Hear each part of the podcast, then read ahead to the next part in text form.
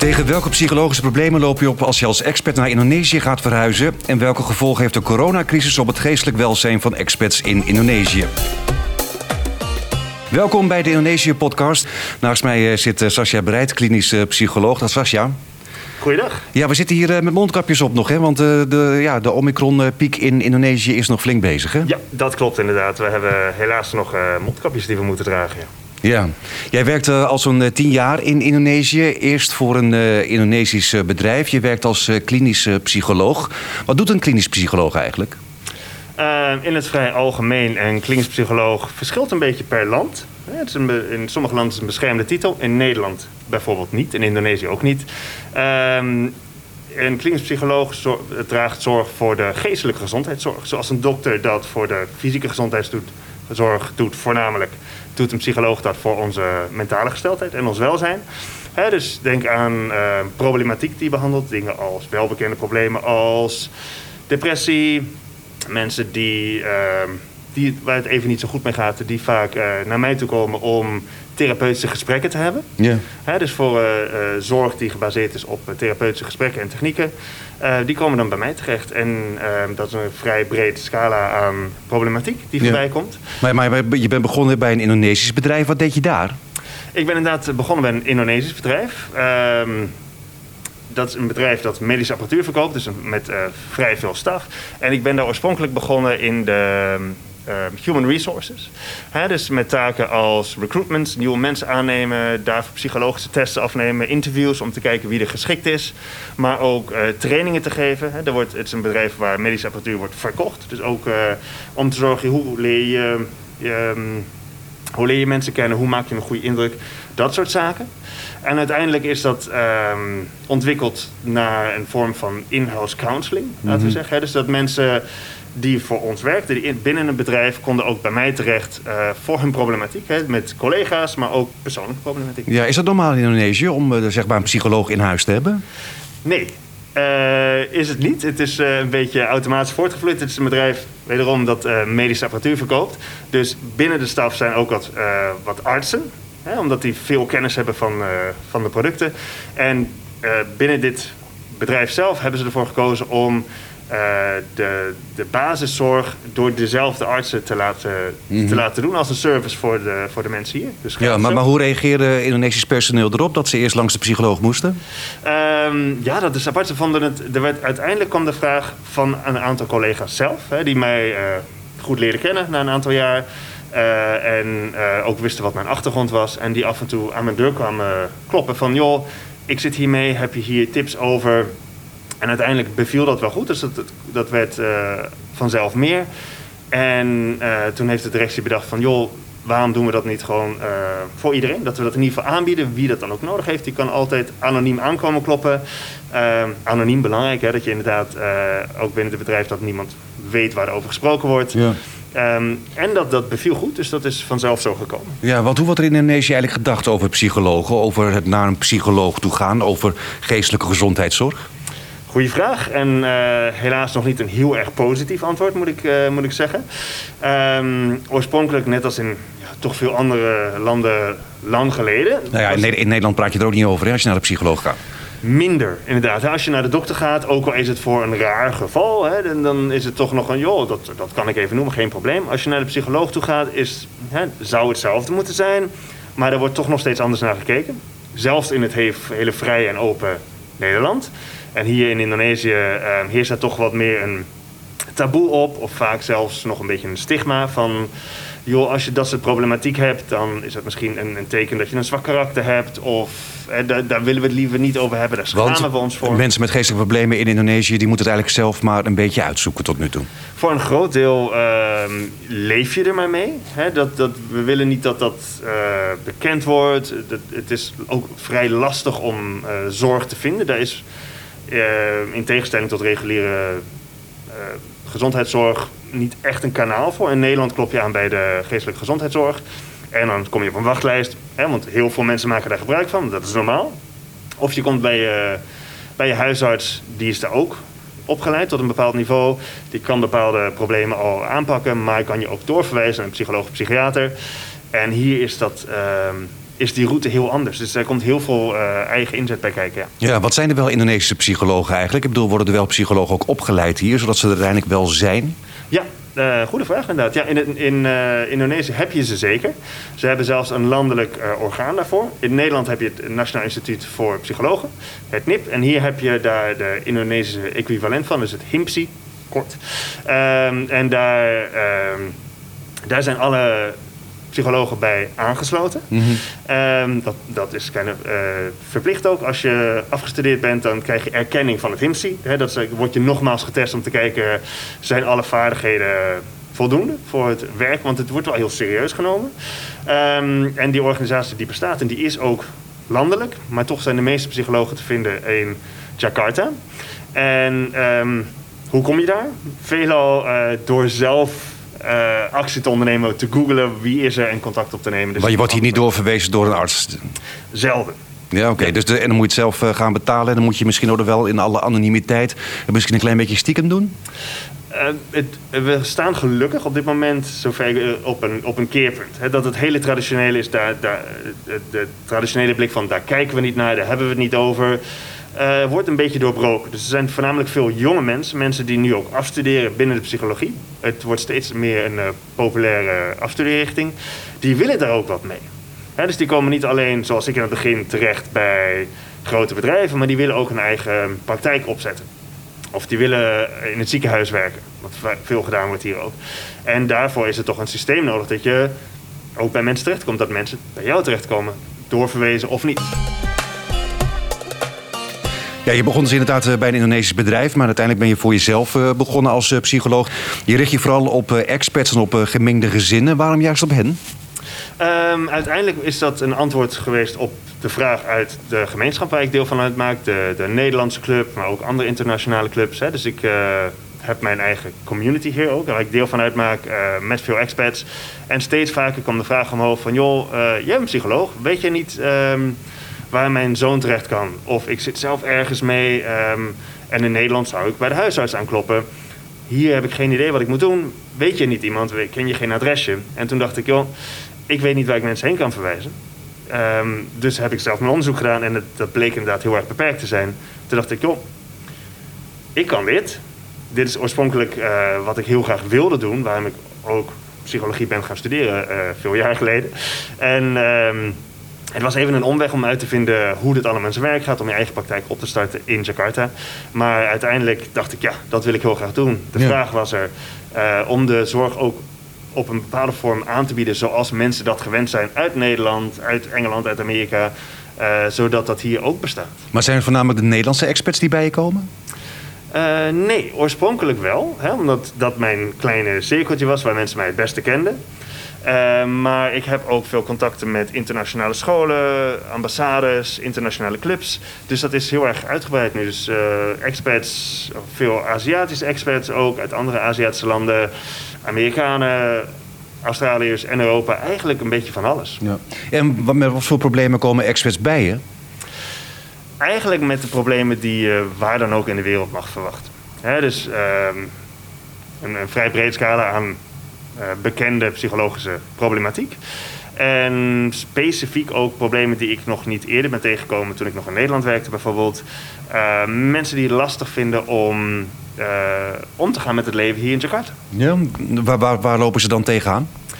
Uh, dat is een goede vraag. Vrij specifiek. In ieder geval, ik heb dat redelijk vaak gehoord. Is dat mensen die hier uiteindelijk terechtkomen als expert gezin. En die zijn hier vaak al op vakantie geweest. Die hebben een onderzoek gedaan. Die hebben een hele fijne tijd gehad. En denken, joh, uh, we gaan Indonesië, we gaan ervoor.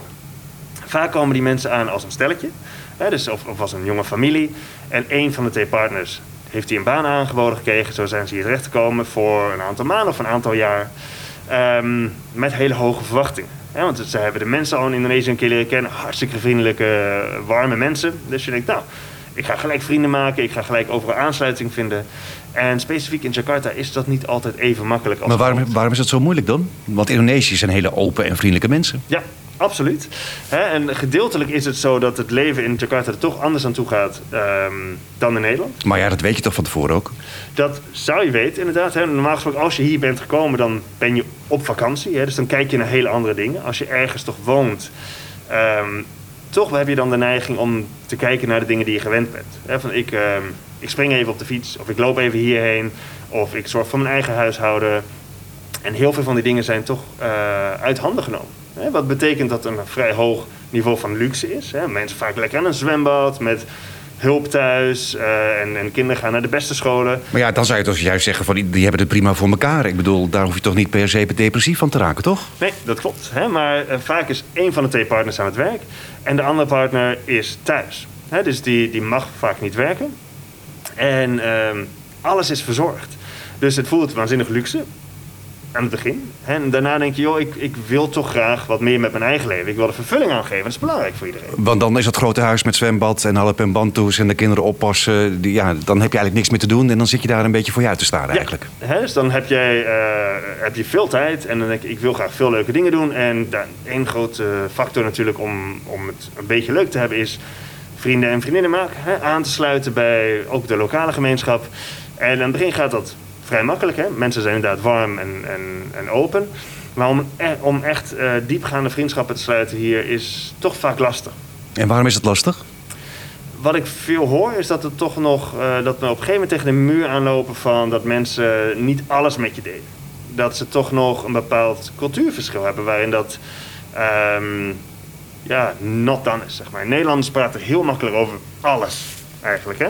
En hier in, uh, in Indonesië is dat toch wat anders. Dat mensen... je, je, je, blijft toch een beetje de buitenlanden met misschien ook een andere status. Dat er toch nog een beetje anders tegen je aan wordt gekeken. Ook al ben je dan misschien op het oog goede vrienden. Ja, inderdaad. Dus, uh, in Indonesië gaat men toch vaak om met een bepaalde blik uh, van hiërarchie. Kijk, hè, we zijn best wel formeel hier, hoe we elkaar aanspreken en uh, waar je zoal staat, wat status betreft. En uh, als Nederlander bijvoorbeeld um, sta je eigenlijk best wel goed. Mensen zijn verschrikkelijk beleefd en hebben hele hoge verwachtingen van je. Um, en dat is aan de ene kant heel lekker. Maar dat creëert toch ook weer een beetje een afstand. Dat inderdaad um, je bent en blijft uh, een buitenland. Ja, dus het grootste probleem is eigenlijk het moeilijk sluiten van vriendschappen. Waardoor dan een van de twee, als ze met z'n twee hier naartoe zijn gekomen, zich toch eenzaam gaat voelen. Ja, en dat is misschien... Is het, zijn het dan meestal toch ouderwets gezien de vrouwen? Um, misschien net iets meer dan de mannen, omdat in veel van de gevallen de, de mannen hier een baan hebben gekregen. Maar ik heb het ook uh, meerdere keren precies andersom gehad. Dat, uh, dat het de vrouw is die hier een baan heeft gekregen en de man um, hier naartoe is gekomen. En denkt, joh, ik heb, ik heb veel vrije tijd. Ik ga alle hobby's oppikken. Ik ga van alles doen. Ik ga met mijn vrienden van alles doen. Um, en die dezelfde problematiek hebben, hebben gemerkt. Dat ze in een miljoenenstad eenzaam zijn. Ja. ja. Wel, want inderdaad, de vrienden in uh, Nederland uh, is misschien ook uit het oog, uit het hart. Zeker als je misschien heel lang weg bent. En hier, je kunt je wel aansluiten bij een expertgemeenschap... als je behoefte hebt aan, aan bijvoorbeeld Nederlanders te zien. Ja. Maar ja, je hebt de vrienden dan niet voor het uitkiezen... omdat die groep ook maar beperkt is natuurlijk ook. Je moet er maar net mee kunnen opschieten ook. Ja, absoluut. Het is uiteraard beperkt, hè, dat, wie je hebt. Het is een hele grote stad. Mensen wonen toch verspreid over de stad. Dus je bent ook niet per se buren van elkaar. Je, je moet altijd ja, een, een, redelijke reis ondernemen om elkaar te zien. En het is inderdaad een select clubje. En veel van de mensen zijn hier, zoals ik noemde, een aantal maanden, misschien een aantal jaar. En dan roleert het weer. dus mensen raken hier ook telkens kwijt. Ja. Iedereen gaat ervan uit dat we hier toch tijdelijk zijn. Um, en dat heeft toch weer andere verwachtingen ook. Dan, dat maakt de, de kans om diepgaande vriendschappen te maken voor over de jaren heen ook weer beperkt. Ja. Zijn het dan voornamelijk de problemen uh, bij, bij stellen, bij, bij, bij gezinnen... waarbij een van de twee niet uh, kan werken? Of zijn er nog andere zaken die, waar je vaak mee te maken krijgt? Um, dat is een van de voornaamste dingen inderdaad, ja. Um, even kijken. Aan de andere kant is het ook wat... Uh, hè, wat we hadden het net even over de status ge, gehad... Hè, die, waar, waarmee de die automatisch kreeg toegewezen vanuit de Indonesische gemeenschap. Dus je bent een hele interessante um, buitenlander. Dus je, je, je, hebt een hele hoge status. Maakt je ook vaak aantrekkelijk mm -hmm. voor, um, voor de lokale gemeenschap om tot een bepaald niveau vriendschappen mee te, te maken. Of um, misschien iets diepgaandere vriendschap, een romantische relatie. Hè, uh, je, je, bedoelt eigenlijk van westerse mannen liggen hier goed in de markt over ja, het algemeen. vrouwen ook. Ja. Maar inderdaad, westerse mannen zijn, uh, zijn ook aantrekkelijk. En dat, ik denk niet dat dat enig man hier in, in Indonesië zou zijn ontgaan. Ja. dat kan verleidelijk zijn en dat loopt ook wel eens eh, uit op problematiek. Hè? Als er ook binnen het, uh, binnen het stelletje zelf wat, wat, ja, wat frictie is, wat, omdat toch de verwachtingen anders zijn. Je het het, het, het vreemdgaan is een probleem dan? Het komt voor, ja. En um, ik, moet er, ik weet niet precies hoe dat in andere landen per se is, maar in Indonesië is dat zeker een factor. Dat zou in andere Aziatische landen denk ik ook wel zo zijn, of in andere delen van de wereld. Maar dat komt er ook wel vaak te sprake. Ik heb um, ongeveer de helft van mijn cliënten is uh, binnen relatietherapie. He, dus die komen voor problematiek binnen het huwelijk. En vaak is daar toch ook wel uh, een bepaalde factor van verleiding of vreemdgaan bij betrokken. Ja, ja de, de, de, verleidingen in Indonesië zijn groot voor zowel mannen als vrouwen eigenlijk. Eigenlijk voor allebei, ja. Ja, ja. Ja. Maar goed, heel veel dingen die je noemt. Ik bedoel, uh, eenzaamheid. Uh, nou ja, uh, dat je goed in de markt ligt, bij wijze van spreken. Ja. Dat, dat, ja, maar dat zijn dingen waar je tegenaan kan lopen. Maar de oplossing daarvoor is natuurlijk nog best ingewikkeld. Dat is inderdaad ingewikkeld. Eigenlijk wanneer het al zo ver is gekomen. Hè, dat, dat, dat, dat mensen alleen nog maar ruzie hebben met elkaar. Of dat een van de twee inderdaad een, een stap te ver doet. Um, daaraan gaat meestal een, een, een aftakeling bijvoorbeeld hè, van, van, uh, van de communicatie aan vooraf. En dat is eigenlijk binnen elke relatie zo dat communicatie toch nummer één is. Wat je ook doet, waar, wat er ook aan de hand is, zolang je er samen over kunt praten, kun je er nog wel uitkomen. Als dat op een gegeven moment niet meer gebeurt, dat, je, dat je het niet meer praat of alleen nog maar ruzie maakt, of er niet meer vanuit gaat dat degene waar je toch van houdt, de juiste intenties heeft en het niet kwaad bedoelt. Of hè, dat je merkt, ik groei uit elkaar, maar dat, daar kunnen we het over hebben dan, heb je, dan maken die verleidingen en omdat ze problematiek niet zo heel veel uit. Maar als dat dan eenmaal uh, uit hand is gelopen, dan gaat het vaak heel snel en dan komen mensen in de problematiek. En dan komen ze soms bij mij terecht, of ze dat nou willen of niet. Hè. Mm. Vaak een van de twee partners vindt, we moeten er werk van maken. En die andere komt een beetje met tegenzin uh, inderdaad ook bij mij op de bank zitten. Ja. Maar als het dan uiteindelijk fout gaat, bij wijze van spreken draait uit op bescheiding... dat is natuurlijk ook wat ingewikkelder, omdat je met z'n tweeën in het buitenland zit. En een van de twee heeft waarschijnlijk ook een baan die hij ook niet zomaar kan zeggen van uh, nou doei. Dat is zeker waar. Um, en het is gebeurd. Ik had uh, een maand of twee geleden ook dat nog een, een stel waar, die uiteindelijk ervoor hebben gekozen om uit elkaar te gaan. Met kinderen hier die naar scholen gingen. Een van de twee inderdaad een, een een aantal jaar contract heeft voor een, eh, een hele hoge baan, een hele hoge functie. Um, en toch uit elkaar gegaan. En in dit geval zijn ze allebei gebleven in Indonesië. Wel uit elkaar, dus ze in, uh, wonen op andere eilanden. Mm -hmm. Maar uh, van, wilden eigenlijk het leven in Indonesië allebei niet opgeven. Maar het komt ook wel voor dat mensen inderdaad zeggen: ja, ik, uh, ik ga terug naar Nederland. We, we, we hebben het geprobeerd of um, het is hem niet geworden. En dat kan natuurlijk overal gebeuren. Maar het is inderdaad een lastige bijkomstigheid als... Als, als er kinderen zijn ook natuurlijk ook. Als er kinderen zijn, als je aan de andere kant van de wereld woont... en geprobeerd hebt heel je leven hier op te bouwen. Vaak hebben mensen nog wel een huis in Nederland... maar hebben dat verhuurd of hebben al hun spulletjes verkocht... om hier toch een aantal jaar te zijn. En als dat abrupt tot het einde komt, is het, uh, ja, is dat extra lastig. ja. ja. Maar is het voor jou als psycholoog nou ook extra lastig om dan hier uh, te werken? Omdat inderdaad, uh, er komen wat andere problemen bij dan waar je misschien tegenaan zou lopen als je in Nederland uh, zit. en, en sommige dingen hebben ook gewoon met cultuurverschil te maken, met de omstandigheden hier, die zich misschien inderdaad ook niet zo makkelijk doen oplossen. Ja, inderdaad. Um, misschien in andere woorden, hè, er zijn hier bepaalde factoren, hè, bepaalde feitelijke omstandigheden die ja, inderdaad gewoon lastig zijn. En die zijn nou eenmaal zo. Hè? En um, eigenlijk gaat dat voor alle problematiek. Als, als ik de mensen vraag, joh, wat zou je graag willen? Nadat ik een verhaal heb aangegooid van wat zou, waar zou je naartoe willen? Hè? Wat is je doel? Of in andere woorden, wat zou je graag willen dat er anders zou zijn? En vaak noemen mensen dan, ik zou graag willen dat mijn man niet vreemd was gegaan. Of dat ik iemand niet ben verloren. Of dat er niet iets heel heftigs is gebeurd, dat soort dingen. Of dat ik me beter zou voelen. Zomaar. Mm -hmm. en dat zijn toch uh, wensen die ze dan uitspreken van... ik zou graag willen dat de feiten anders waren. Ja, ik zou graag willen dat iets in, de, in, eh, in het verleden niet zo is gelopen. Maar ja, daar kan je niks aan doen. Daar kun je inderdaad niks aan doen. En daar moeten we dan inderdaad ook uh, eerlijk over zijn. Van hé, hey, hier hebben we geen controle over. Dit is al gebeurd. Zo zijn de dingen nou eenmaal. Zo is ook het leven hier in Indonesië bijvoorbeeld. Um, maar het feit dat wij de, de feiten zelf niet kunnen beïnvloeden... betekent niet dat we er niet mee leren om kunnen gaan dus als we de feiten zelf niet kunnen veranderen, kunnen we wel uh, naar kijken wat voor impact hebben die feiten op ons.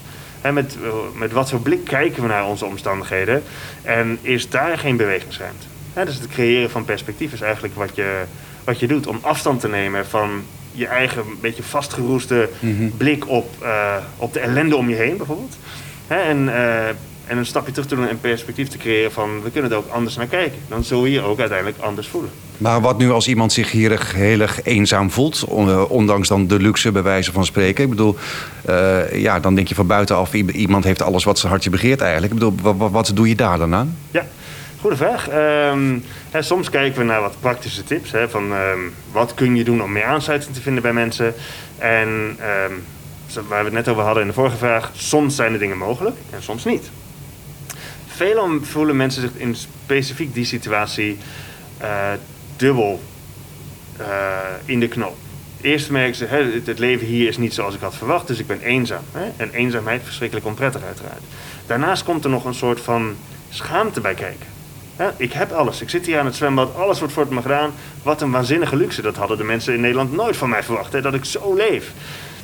Hoe kan ik me dan nog zo slecht voelen? Wat zegt dat over mij? Hè, dus dat vinden ze vaak heel lastig om dat zelfs maar toe te geven. alsof ze ontevreden zijn, terwijl ze eigenlijk Ja. alles lijken te hebben. Precies, hè? want van eh, iemand die van buitenaf kijkt zou je zeggen... joh, je hebt alles, je hebt het helemaal gemaakt, waar klaag je over? Het is altijd zomer bij jullie, je lekker aan het zwembad elke dag. Waar heb je het over? Je hebt eh, niks aan de hand. Hè, want natuurlijk als, als buiten, eh, buitenstaander kun je niet zien wat er in iemand omgaat. Dus vinden mensen het vaak extra lastig om daar, ehm, ja, om daar aan toe te geven, om het Ja. daarover te hebben. Komen ze er meestal wel weer uit? Meestal wel. Het, ehm, Hoe dan? Eh, ja, goede vraag. Eh, het verschilt uiteraard per individu. Wat, wat vaak helpt, is het doorbreken van, van de oorspronkelijke gedachte van ik ben de enige. En eh, vaak gaan mensen op zoek naar hulp als het al vrij ver eh, ontwikkeld is. Hè, dat mensen eigenlijk voelen ik ben eenzaam en ik wil graag andere dingen en ik, ik kom daar zelf niet uit. Maar ik heb toch die schaamte van ik wil het niet toegeven of, of hoe stap ik naar een psycholoog toe. En als je dan te horen krijgt van hé, hey, je bent niet de enige. Dit hoor ik iedere week. En dat betekent ook dat dit iedereen kan overkomen. Dat die schaamte helemaal nergens voor nodig is. En dat we het hier gewoon over kunnen hebben. En dat ik niet per se eh, vijf stappen heb die je kunt volgen om je eenzaamheid op te lossen en gelijk tientallen vrienden te hebben.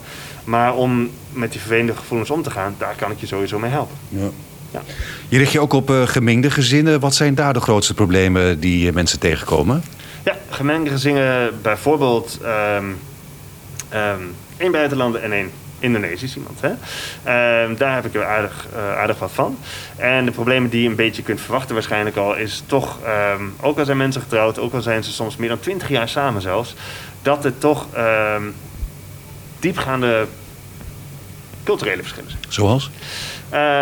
In, eh, in Indonesië zijn we toch, of in Nederland zijn we toch een vrij open gemeenschap, hè, waar we over alles kunnen praten, waar religie vaak niet zo heel hoog in het vaandel staat, waar eh, traditionele familiebanden niet zo heel erg belangrijk zijn, waar een bepaalde hiërarchie niet zo heel erg speelt. En dit zijn toch nog steeds dingen die, eh, die hier wel gelden. Ja. Een goed gesprek waar de familie zich niet mee bemoeit... is gewoon een stuk moeilijker eigenlijk. Een hele goede. Ja, inderdaad. eh, de, de inmenging van gezinnen, hè, van, van families. Als je gaat trouwen hier, wordt ook heel erg duidelijk gemaakt. Je trouwt met een familie. Hè, dus je wordt onderdeel van een familie. Vaak eh, wordt er ook heel veel van verwacht. Dat je heel veel tijd doorbrengt, dat je alles bespreekt. Dat ehm, de oudere mensen in de familie eh, inspraak hebben. Ja, ook op, op, op je eigen leven, maar ook op het leven van je kinderen. En dat zijn wij in Nederland niet heel erg gewend. Wij zijn, wij zijn wat meer van, we, we kiezen onze vrienden en familie. Ja, als, als je niet zo lekker ligt met bepaalde familieleden, dan hoeft dat niet. Nee, dan eh, ontwijk je ze misschien een klein beetje. Ja, En, en dat is oké. en, en hier is dat, is dat net iets anders. Hè, en dus je hebt hier toch nog best wel veel rituelen of, of, of dingen waar je aan deel moet nemen. Dus een groot deel van je ook vrije tijd is bepaald omdat je getrouwd bent met een familie. Maar ja, dat weet je van tevoren ook een klein beetje natuurlijk. Hè? Eh, ja, vaak als je gaat trouwen ben je wel nog een beetje in de honeymoon phase. Hè, verliefd op elkaar, dus hè, dan ben je maar toch een beetje blind. Hè, dus dan denk je, oh dat komt toch goed, dat vind ik allemaal niet erg. hè, We komen daar wel uit. Maar als je net uiteindelijk leeft, ehm, kan dat toch nog tegen dingen aanlopen. Maar goed, dat zijn ook wederom weer eigenlijk feiten. Eh, Ja. hoe, hoe pro- probeer je daar dan mee om te gaan? Ehm, en vaak is het wederom een, de- de- niet per se een probleem op zich. Hè? Zolang mensen. eh wij hebben het altijd over problematiek als het, als het welzijn van mensen wordt beïnvloed. Hun functioneren of het welzijn. Hè? Want er kunnen heel veel vervelende dingen gebeuren, maar als, het, als mensen gewoon goed functioneren en in het algemeen gelukkig zijn, er niets aan de hand. Maar als er bijvoorbeeld eh, hier door de culturele verschillen te veel frictie komt. Hè, dat mensen alleen nog maar ruzie maken. eh, de communicatie eigenlijk eh, ja, nagenoeg nul is. Hè, dan, dan, ja, dat, dan lig je niet lekker. En eh, als stel heb je toch elkaar nodig. Hè? Je hebt voor elkaar gekozen en je hebt nog heel wat jaar te gaan. Dus ehm, is communicatie belangrijk. En als communicatie uiteindelijk uit elkaar valt, dan lijden mensen dan. Ja, dus je probeert eigenlijk een beetje de communicatie tussen de twee op gang te brengen. Ja, en vaak eh, zijn mensen toch wel koppig. Hè? Dus ze hebben het idee van, eh, ik bedoel het goed eh, en dus ik doe heel erg mijn best. Ehm, maar het lukt toch niet. Dus dan zal het wel aan jou liggen. En je kunt verwachten dat die andere persoon precies hetzelfde denkt. Hè, dat je allebei heel erg je best doet en nog lukt het niet. Stel je die frustratie voor. Dat je denkt, ik hou van je, ik doe mijn best. ehm, maar het lukt toch niet. En die ander heeft precies hetzelfde. En op een gegeven moment word je moedeloos. En dan, dan zie je die meer zitten. Dan denk je nou van, hé, hey, we, we- zijn misschien toch niet eh, voor elkaar ehm, bestemd. We, we komen er nooit meer uit. En vaak is het nog wel heel veel te helen en eh, te repareren. Ook al zijn mensen zo ver. En dan komen ze hier een relatietherapie bijvoorbeeld. Ja, Ja, vaak komen ze ja. inderdaad als ze er zelf niet meer uitkomen, maar wel nog graag willen dat het beter gaat. En dat ze zich niet zo voelen zoals ze nu voelen. Of dat ze toch nog graag de relatie zouden willen redden. Eh, bij mij terecht. En gelukkig is er dan toch nog wel heel veel te bespreken. Eh, want je, het eerste wat je doet is je maakt een veilige omgeving. Waar dat je even uit het dagelijkse leven stapt. We gaan hier naartoe om eraan te werken. En dat maakt het veel, eh, veel makkelijker als eerste Ja. stap. En als gemengde huwelijken uiteindelijk eh, dan toch fout lopen en het draait uit op een eh, scheiding. Ik ken uit mijn eigen omgeving meerdere verhalen dat dat nogal dramatisch kan zijn en tot heel veel problemen kan leiden. Is, is dat ook zo? Ehm, ja, een scheiding zou je zeggen is nagenoeg altijd dramatisch. hè? Ja, maar is het echt meer dramatisch als het om een gemengd huwelijk gaat? Met kinderen bijvoorbeeld? Veelal wel, ja. Want er zijn... ehm, zeker hier heeft, heeft ook nagenoeg iedereen een, een religieus huwelijk. Hè, en ehm, een beetje onuitgesproken betekent dat voor het leven. Hè, wat er ook gebeurt. Eh, een echtscheiding wordt wat meer geaccepteerd vandaag de dag. Dus een, eh, een decennium of twee geleden was dat dan. not dan, Ja. hoe dan ook. Of je kinderen hebt of niet, je bent getrouwd voor de ogen van God. Dus dan blijf je ook bij elkaar. Dat heb je elkaar beloofd, dat heb je God beloofd. Dus daar is ook niets aan te doen. En alle familieleden zullen ook hun, hun steentje bijdragen om ervoor te zorgen dat het zo is. Dus eh, of je daar nou op zit te wachten of niet. Vandaag de dag is het wat meer. Uiteraard als een van de twee een andere achtergrond heeft. Ehm, hè, dus denk, eh, misschien als je uit elkaar gaat ook denkt van... nou, ik ga naar mijn eigen huis, naar mijn thuis. Misschien is dat ergens anders. Eh, als kinderen hier geboren zijn, bij wie horen ze dan? Ja, als, je, als je allebei ergens anders vandaan komt, Nederland bijvoorbeeld, en, eh, aan de andere kant van de wereld, nou, voor je gevoel, wat doe je dan? Wat doe je met je huis? Wat doe je met je baan? Wat doe je met Of een, of een huis dat gekocht is en dan eh, op naam van eh, ja, de Indonesië, Ja, Indonesische kant eh, staat. Ja. Ja, ik moet erover nadenken. Hey, ik ben natuurlijk zelf Nederlander. Mijn vrouw is Indonesisch. We hebben een dochtertje hier. Wij eh, we bouwen momenteel een huis. En eh ja, nagenoeg staat alles op haar naam. Want Ja. zo werkt dat hier. Dus als je gaat scheiden, dan heb je eigenlijk een groot probleem. Ja, dan heb ik een klein koffietje met spullen. Ja. Die ik, eh, en dan klop ik bij mijn moeder aan in Nederland. Mama, ik ben weer terug. Ja. Gelukkig komt het niet zo ver. Hè. Dat, ik ben heel gelukkig getrouwd, gelukkig. Maar ehm, dat is inderdaad wel een geval dat je bijkomstige problematiek hebt. Omdat je andere achtergronden hebt. Omdat je ehm, geïnvesteerd hebt in een leven dat ver weg is. Het is ingewikkelder. Het is ingewikkelder, absoluut. Ja. De afgelopen twee jaar eh, hadden we de coronacrisis. Ja, we zitten hier eh, nog met eh, mondkapjes op. Heeft dat hier ook tot meer mentale problemen geleid? Ja, dit zijn natuurlijk berichten die over heel de wereld vandaan komen. Hè, dat, het, dat de geestelijke gezondheid ook in, in acht genomen moet worden wat betreft de coronaregels. En van vrij vroeg aan ehm, heb ik ook gemerkt dat eigenlijk iedereen die ik als nieuwe cliënt kreeg, hè, dus die met problematiek eh, kwam aankloppen, altijd ook de, de invloed van corona noemde. Van, ehm, ik kon vroeger altijd bij mijn vrienden terecht, maar nu kan ik die niet meer zien. Is het alleen nog wat via WhatsApp-berichtjes. Ik kan geen aansluiting vinden meer bij, eh, bij mijn, mijn, mijn netwerk, mijn vangnet. Voor als het niet zo goed met me gaat, dan kan ik bij mensen terecht. Maar dat kan niet meer. Mensen kijken naar elkaar met argwaan. Hè, of, of met, Hoezo eh, argwaan? Nou, omdat we toch een beetje op gewezen worden dat andere mensen een, een risico vormen voor onze gezondheid. Oh, ja, voor onze gezondheid. Dat je besmet zou kunnen raken, ja. Ja, dat je besmet zou kunnen raken, maar ook dat je kijkt van, oh, mensen pakken het heel anders aan dan hoe ik dat doe. Hè, verschillen binnen de, binnen de maatschappij over hoe mensen ermee omgaan, wat veiligheid betreft. Dus daar worden best wel veel grote verschillen waargenomen. En dat ja, verschillen tussen mensen zijn niet lekker. Je wilt zien dat, oh, we kijken er allemaal op hetzelfde naar. It's, it's uh, one common enemy. In de plaats van, joh, mensen doen dat heel anders. Maar eigenlijk heeft dat ook tot meer eenzaamheid geleid, geleid dan onder de expert community. Absoluut, ja. Eenzaamheid, um, ja, isolatie uiteraard. De fysieke isolatie, maar daar natuurlijk ook de, de bijkomstige problematiek van uh, emotionele isolatie. He, dat, bijvoorbeeld stelletjes die al sowieso niet zo heel erg lekker, lekker gaan. Met z'n tweeën in een huis, 24 uur per dag samen. je kunt voorstellen dat dat lastiger wordt. En dat je een groot deel van je, je andere vangnet, dus je sociale vangnet, kwijt bent omdat je die aansluiting niet vindt. Omdat je niet even gezellig een drankje kunt gaan doen. Of, uh, of bij de club kunt uh, even uh, op de schouder huilen van iemand anders. Dat kan allemaal niet meer. Nee, maar toch, we, we bespraken het eerder al. Mensen leven hier over het algemeen toch iets luxe. Met een groot huis en met een zwembad. Dan, dan lijkt het toch van buitenaf makkelijker om hier de coronaperiode door te brengen. Dan dat je in Amsterdam op een fletje drie of achter zit.